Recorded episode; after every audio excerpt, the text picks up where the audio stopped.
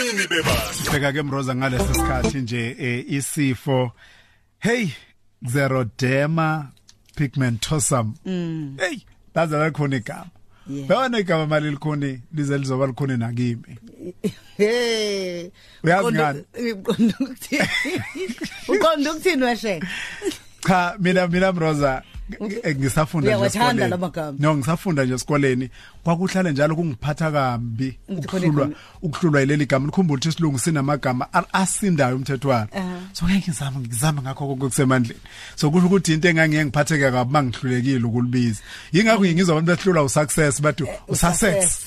mina ngakubamba ngisesesikoleni Kodwa sex bawazi? Oh sex bawazi kahle My. onke mana Sababamba. Khuluma ke nodokotela uSandile Shabalala eh qhamuka ke eminyangeni wezempilo la esifundazweni sakazulu Natal. Sekubingelela swazi kulolu suku lwangolesine. asibingelele kubo bobabili oshenge asibingelele nakubalaleli bokhosi Siyabonga siyabonga kakhulu dokotela. Hey laze lalikhona igama. Hey. Eh li- li- ngilibize kahle kodwa dokotela. Cha sengakufaka e-medical school shenge. Sekusondela sekuseduze Ah, Awuka ubake. usungangithemba kanti kanti futhi ngi- ngisa- ngi- ngisazama ukufunda namakhambi lawo esintu ngoba sengiye ngizwe sengiyakhumbula manje ukuthi umnyango wezempilo usuyabamukela eh, odokotela laba abasuke befunde ngokwamakhambi esintu. Ngiya- ngiya- ngiyalandela la akusho ukuthi ke sengofuna ukhetha ukuthi uqala ngaphi. Eh. Eh uqala ngapha eh uya uya kokokuvula bakulungise bese uza ngapha ke siuhlanganise ke sibode uphuma nani Ngoba hayi khona impela ak- akufanele ukuthi udokotela uhlule ukubiza leli gama utshela isiguli isifo kungayiso. Sihamba Eh, siye ekhaya nje sithi siphethwe yini kanti asiphethwe yileyo. Ma- ma- mawufika nje e- e- e- ngasekhaya enkandla ufika ubatshela ukuthi ngine-xeroderma pigmentosum Maye. bazothi hey u-rich lo muntu. Hey kuthi uphethe isifo eh sabelungu se- seyicebi Isifo so eh. kusala Sekhathi sokugcina. She sitshele dokotela ukuthi hey sidalwa yini lesi? Asiqale ngokuthi siyini kuqala. Ubuso usitshelana nokuthi yini edala lelu hlobo lwesifo esiyingozi kangaka? Eh shenge isifo lesi la umuntu enesikhumba esomayo lo wazirodema usho ukuthi isikhumba somuntu si dry u dry skin lo zirodema ngesingisi esijwayelekile. Mm lo pigmentosum usho ukuthi lesi sikhumba uma sike satholana nelanga kodwa kulama rays elanga. Satholana nama ultraviolet rays. Angithi ilanga linama ultraviolet rays. Mm uma selitholene nawo ke lemsebe ilanga kuthiwa ama ultraviolet rays sibeke manje isikhumba siqale sishintshe ngo- ngo- ngo- ngokwethu masilalele lapha ebeach sithi skin tanning. Kodwa uma usudlulile kuleyo kuleso sikhathi sakho ukuthi ngenza skin tanning sibuyele emuva isikhumba kulo muntu ojwayelekile. Okusho ukuthi ama cell akho aphinda kulungise lokho bekusuke kushintshekile. Kodwa kulomuntu ingakho ke la lokho kushintsha sithi yilo pigment changing lo pigmentosum ukhuluma leyo kushintsha kwepigment lokho kushintsha kombala umuntu athi ukuqunqa kancane kunokujwayelekile. Kusku kuzirodema pigmentosum ke umzimbi kakhulukazi ama ama cell omuntu ayahluleka ukuthi ashintshe abuyisele ukuthi ubuyele ebaleni lakho elejwayelekile uma unalenkinga okwesibili ngenxa yokushaywa yilama ultraviolet rays isikhumba sakho soma ngalendlela ukuthi uba naloko esithi ama sunburn Mm. okunye kube iblister noma okunye kuze kuphenduke isilonda. Kuyisifo ke lesi esingavamile esinga esinga esifika ngokungalingani eindaweni ezingafani eh okubi sibuku lento engiyisho ukuthi anginawo ama statistics ala eSouth Africa kodwa kuthiwa eJapan mhlawumbe 1 in 20000 people bazoba naso lesi sifo eAmerica mhlambe 1 in 250000 people indlela esingajwayelekile ngakhona Mm. Usibona kanjani ukuthi umuntu naso njoba ngishilo ukuthi isikhomba sakhe siyomi kakhulukazi uma kawavela nje kancane elangeni isikhashana esincane isikhumba sesomile isikhumba sesishintsha umbala. Kodwa kuba nalezi zinto kubona ukuthi umuntu ikakhulukazi ngoba lento yenzeke ebusweni la kuma eyelid usengifundisa usibuka ukuthi yini eyelid ngesizulu engizamile manje sibu kahluleka eh ngangayitholi. Eyelid iyathinteka kakhulu. Yihlo uqobo lwalo liyathinteka kakhulu. Isikhumba la e, e, ezindebeni zomlomo kuyathinteka. Nase ingalweni la usuku umuntu e, evele khona elangeni kuyathinteka kakhulu. Mm. kwenziwa ukuthi ke iDNA kulamaseli uyakhumbula ngeke ngabala amaseli mm. iDNA la kulamaseli iyayithi uma ngabe sekwenzekile lo lushintsho lwenziwa ama ultraviolet rays isebenza ukukushintsha kubuyisele emuva. Kulo muntu onalenkinga ke uya ayahluleka ke manje ama DNA ukuthi alungise le situation asuke ebhekene nayo.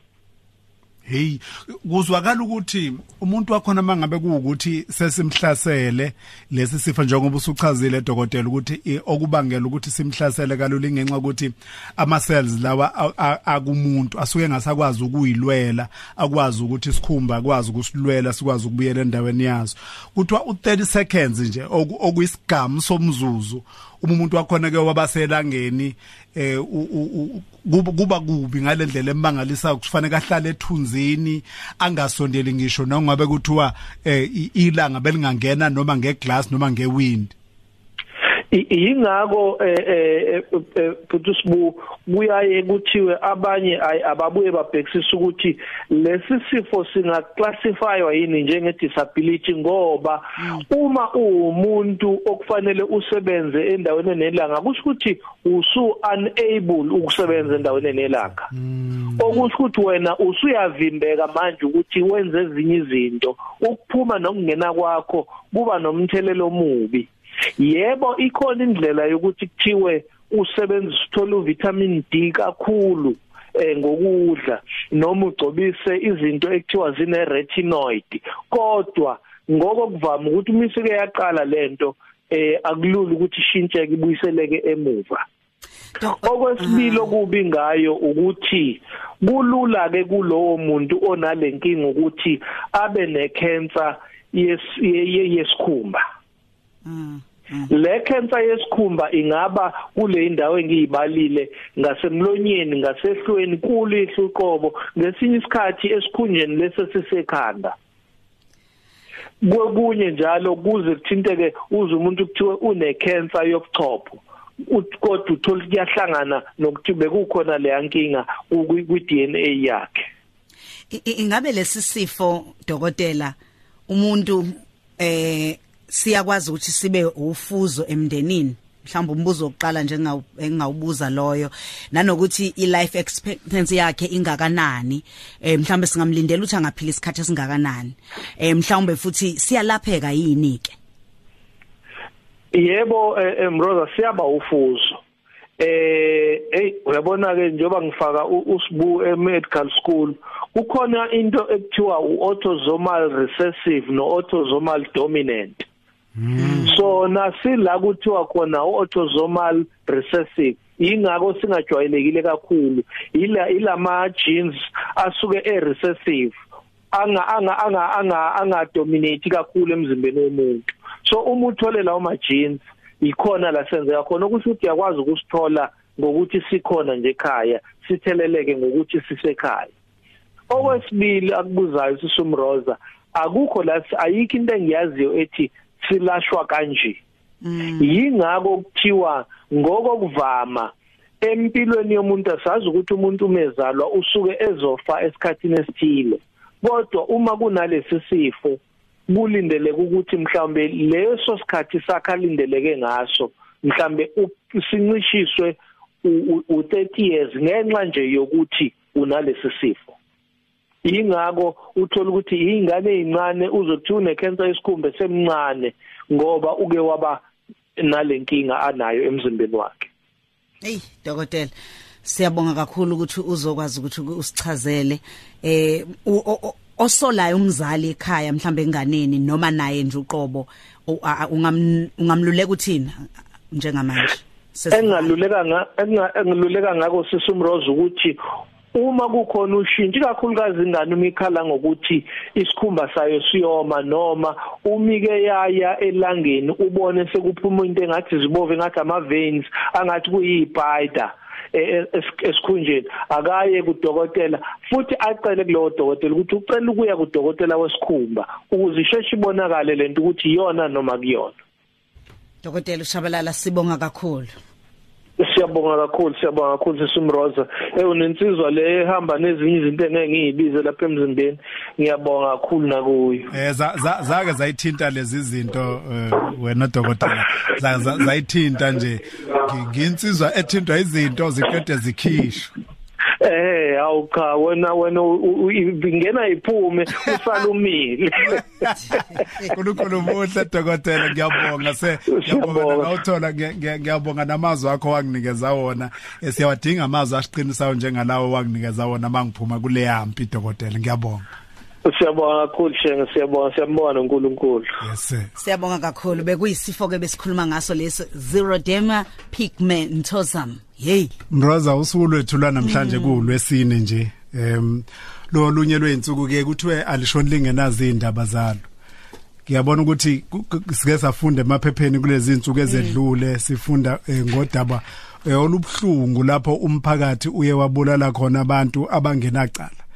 Eh, ngoba kusoleka ngoba bekade beyitshele ukuthi bayobhekana nobugebengu mm. ngendlela yabo mangabe uthi umlalelo ke wafunda emaphepheni kulezi insuku ezedlula abantu ababulawe ngolwesino lwedlule em okutholakalayo ke noma amaphoyisa yokuqinisekisa kodwa ukuthi abantu ababayibuyela emsebenzini labaya bengazi lutho ukuthi kwenzakalani. So khuluma ngalo lo daba ke namhlanje ngenxa yokuthi eh umndeni womunye walaba ba aba abasweleka ngesonto ledlule uye wasibhalela ucela ukuthi eh sibalekelele eh selule nanesandla.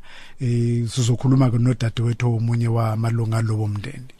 Futhi mhlambe eh singamxwayisa nje umndeni wokhoze FM ukuthi eh mhlambe udaba eh luzoba udaba oluthintayo kakhulu. Imizwa eh, ya umuntu ozwelayo senzele ukuthi umlaleli akulindele lokho ukuthi uma umuntu othintekayo ukwazi ukuthi kodwa kube usitholile sexwayiso. Mm. sikhuluma nodade mm, wabo walo othintekayo noma womndeni eh ogama lakhe ke linguwendi. Noma kungayikho konke sizokwazi ukuthi ke sihlale kukho ngenxa ukuthi udaba lusemaphoyiseni. Kodwa ke uke wabona uzwile eh saphinde sathintwa ke abalaleli bokhozi FM mayelana nodaba olwenzeke lapha kwaDukuza eh lokuthi kubulawe ngesihluku eh abangena cala eh bebulawa umphakathi obucabanga ukuthi bayizigebengu. Eh ukhona kudade wabo omunye wesisulu eh noma ke womgili ogilekile ngaleso sikhathi. Sinayekela udadewethu. Sikubingelele okhosini FM dadewethu. Yebo sanibona njani nami eh sithokoza kakhulu sibe nalesikhathi sakho. Siyazi ukuthi asisiningi kakhulu kodwa nje besifisa ukuthi ulandise umndeni wokhoze FM ngakho konke okwenzekile. Okay ma. Into eyenzekile umntana wethu bekahlala eStenga eqashile khona ngenxa yokuzama amatoho so kuthena ngomhla ka14 February bafelwa imoto ngase Groudsville so base be ngicabanga mhlawumbe emizamweni yokulungisa imoto bagcina benqamula eMelville noma bebegoduka beyekhaya. Okuyikhothe behambe endleleni bahlangana nabantu abacale babathusa bathi becabanga ukuthi babanjwe inkunzi mabesho. Then kwathiwa vimba. So bazama ukubaleka mabebaleka umqhamuka iqulu lomphakathi labagenqa labagenqa bebe bawu4 kwabo ukuthi abawu2 bayakwazi ukuphunyuka kuyibona basixoxelele indaba then laba bawu2 abakwazanga bona ukuphunyuka unfortunately. Babagenqene ngesihluku bathi ke bababopha babadonsela egroundini bababopha izandla nenyawo base beyabahlanganisa babashisa mm oyedwa phakathi kwabo umfowethu oyedwa phakathi kwabo umfowethu yebo ukalwa nje uma wami. Mm yeah. And inkinga njengoba sisho ukuthi bebekade bephuma emsebenzini. So kwaba iphutha lokuthi banqamule endaweni errong and umphakathi mawusho ngoba khona bakhulumayo bathi emini bilolwa leyo celemba and then ebusuku abantu bebecashile belindele nje ukuthi okuqhamukayo. And umphakathi sendaweni khona lapha eMelville utsheliwe kwathiwa ungene endlini before 9 babe khona umuntu okhona emgaqweni. So bebesho ukuthi ukuthi okhona emgaqweni bazo bazodila naye. Kanti ke bona bazoba nebhathi mm bazoba nebhathi ngoba ngisho abantu akade behlala naye siyabuza ukuthi hayibo kanti bese kangani ngoba thina bese ngamazi umuntu ogangayo maze umuntu okhulwayo umuntu othulayo futhi ongathanda nokukhuluma yabo? So nabo bashaqekile bathi abayazi leyo nto. Abakaze bezokuthuya kangana ngelodi langa so yabona nje into ebuhlungu kakhulu ma and acabanga ukuthi umama ukhulisa umntana enethemba ngaye and then abantu bathatha umphefumulo wakhe kanje. Umphakathi uma nizwa mhlawumbe emveni kokuthola ukuthi hawu kanti akubuzona lezi gebengu ebesivibhekile nizwa kuthiwa bathini mhlawumbe? Ngabe nginephutha mangathi khona bakushoyo. Into engiyaziyo nje ukuthi ngalelo langa siseleqedile ngaye. Sahamba nje emini siyoxoxa lokho kusele siyogqiba negazi siyobona nala eshonile khona. Kwaba ukuthi ke nje basiphatha kabuhlungu bakhuluma namazwi amabi. Yabo kwangokuthi sihamba ngemoto basasusa imoto emagcekeni abo. Sahamba saya lapha sesigqiba ngokusaba nathi ngoba sibona ukuthi hayi eh akukuhle la. And into ebuhlungu kwakuwumama laba bakhuluma kanjalo omama abazela abanezingane abangazi zophinduka zibe yini kusasa. Kwayibona bashikilayo kwayibona bakhuluma bebheqisa bethi bayapha abanye baye bese beqhamuka sebehamba bodwa. Yabona ngabona nje ukuthi ayi lo mphakathi ngathi awukakadeli ngalento yenzile and awuyiboni into wrong sikhumbuze nje negama lakhe sisuthi konje konje ubani lesikhuluma ngaye ke nokuthi ni, ni uzalwa kuphi indawo ngiyazi ukuthi ushilo ukuthi ubebesebenza lapha yane kwaDukuza esebenze banqamulele emevili lapho lesisehlo sibehlele khona. Kodwa ukusitshela igama lakhe nokuthi ukuphi indawo lapha azalwa khona?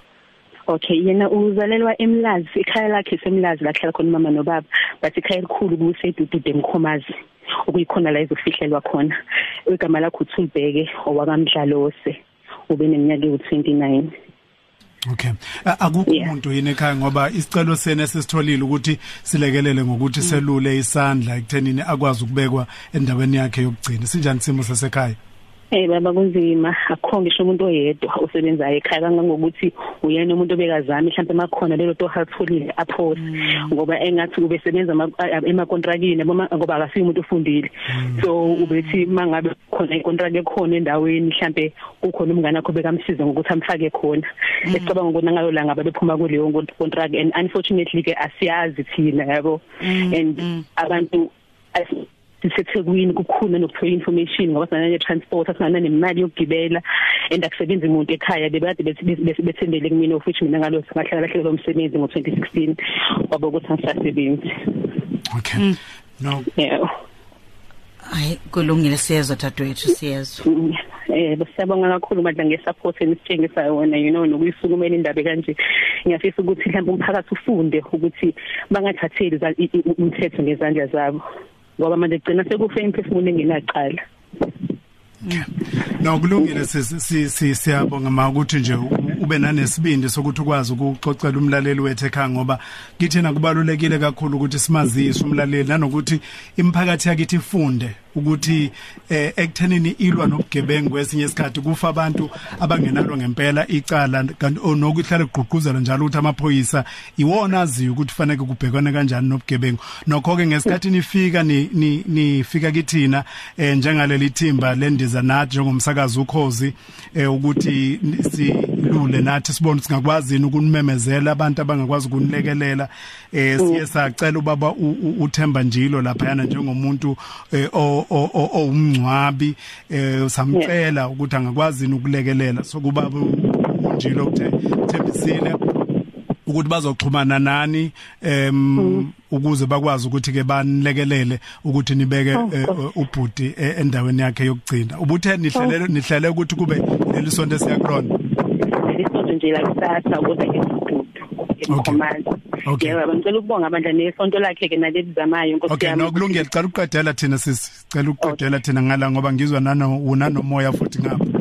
Em eyidingweni zenu em ebenicelile futhi. Siye sakubona kubalulekile ukuthi ngoba phela ningaphansi komphakathi ningaphansi kobuholo obukhona lapho ningaphansi kamasipala sasezama ukuthola indlela yokuxhumana nomasipala wangapho ngakini umasipala wasemdoni. Ngenhlanhla ke sakwazi ukuthola ukhansela ukhansela umngadi oward wenu lapho oward councillor wenu lapha ku ward 3 eh nokuyena ukwazi ukuthi uxhumane futhi nehhovisi lika mayor umeya uThabani Dube base bethembisa ukuthi bazonenzeka bazokwazi ukuthi banitholele itende ke ukuthi ngesikhathi inkonzo yenzeka kube nompheme eh nokuthi abantu bakwazi ukuthi ngalolo suku eh bageze nanezandla. So kuyilolo size sikwazi mm. ukunitholela lona thina sisi uh siyabonga sibonga kakhulu sibonge nakubamjilo sibonge nase counseling bakithi uNkulunkulu muhle siyabonga.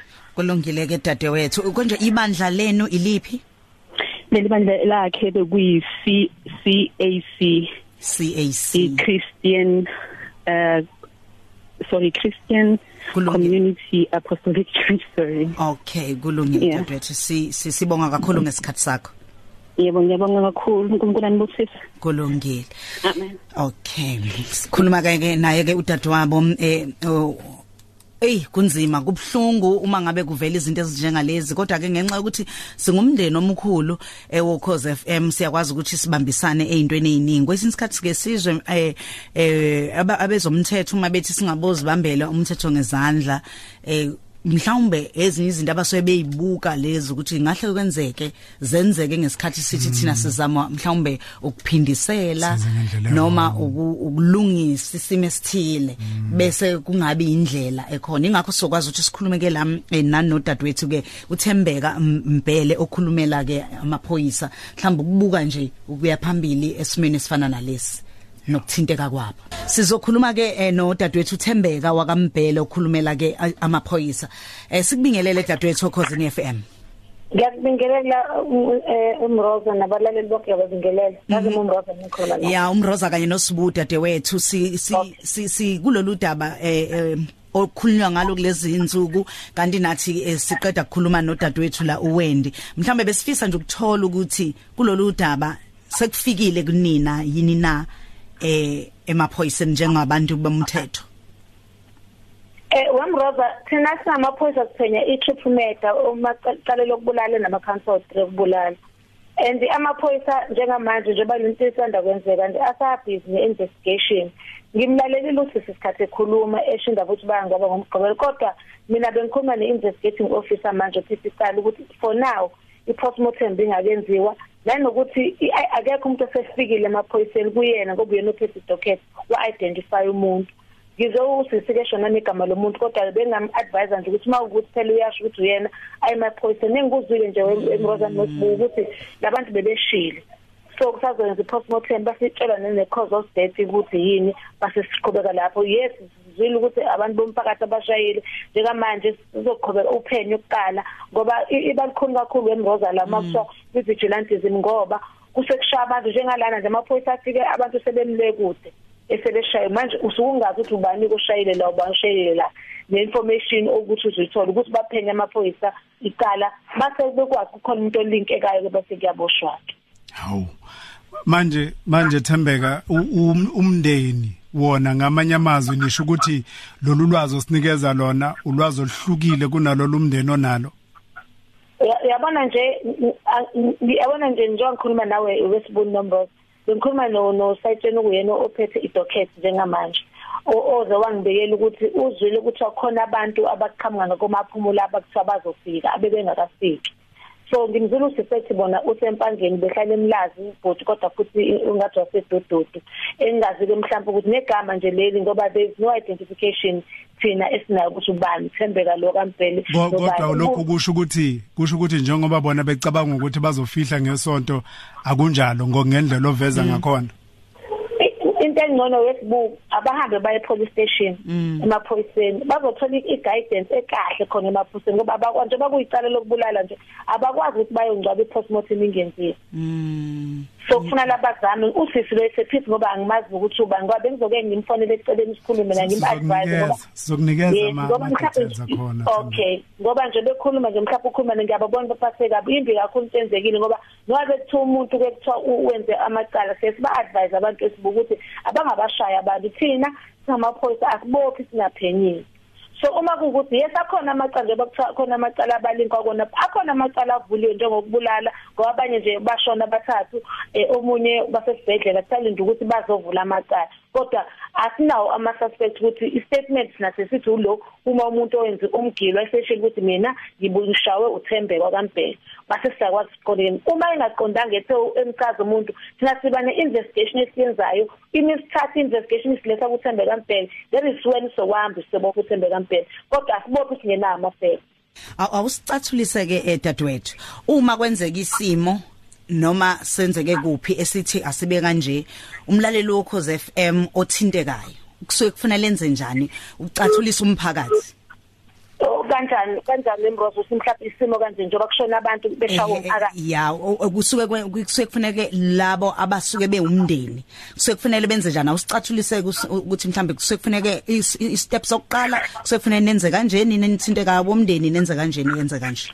Uyabona nje wemroza njengoba ngisho nje ukuthi thina akekho umuntu identified umuntu uzumclaim ukuthi owakho mangifikile ngathi lo uthembeka wakambhele then sewubhala istatement in identification ibhalo wena ke ukuthi wena um identify so njengoba ngisho la code identify so ngathi ngathi mina abahambe laba abaclaima labantu ukuthi ababa bahambe baye police station lapha la kwenzeke khona isihlakala bazofika bacela umphathi wabasesha umuntu ophethe ophila nale case nje omunye ophethe khona ukapteni uyaka bangahamba baye khona kumethi umuntu wakhe futhi ke mroza okunye kulani notebook kulandelayo njengoba kuthiwa babashisile.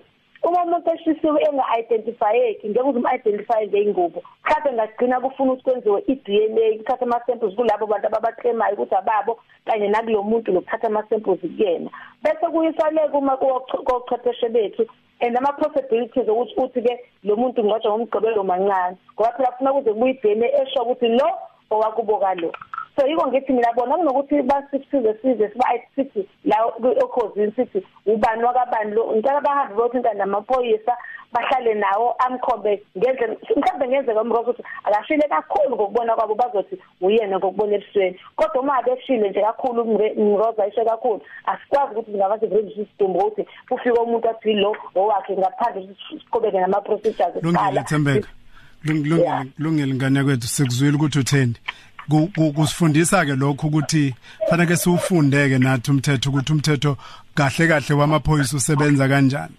Ngoba ngoba kunomehluko phela ukuthi thina sishonelwe yilunga lomndeni wethu. Nangumama womuntu oshonile uhlele emakhandleleni yena ngokwakhe unento ethi ingane yami ifile. So kufanele ukuthi manje ngibe ukuthi ngunosuku lokuthi ngiyibeka nini.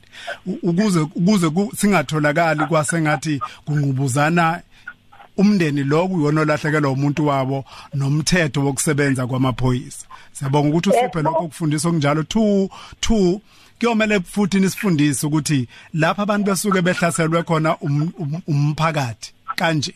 Ke kwenziwe njani? Kureportwa umuntu liyavulwa icala liyayivula kuthiwe kanjani? Makusuke kuumphakathi batholwa kanjani abantu abasuke bebulela umuntu kulesi simo esinje? Njengoba ngisho nje wesibuku ukuthi uma be kwenziwa icala sivula icala icala lokubulala uhulumeni umuntu ocomplainayo lapho bakuthiwa umuntu oshonile akubi akubi wena umuntu ovula icala. Uhulumeni uhamba uattend amaphoyisa ayovula icala.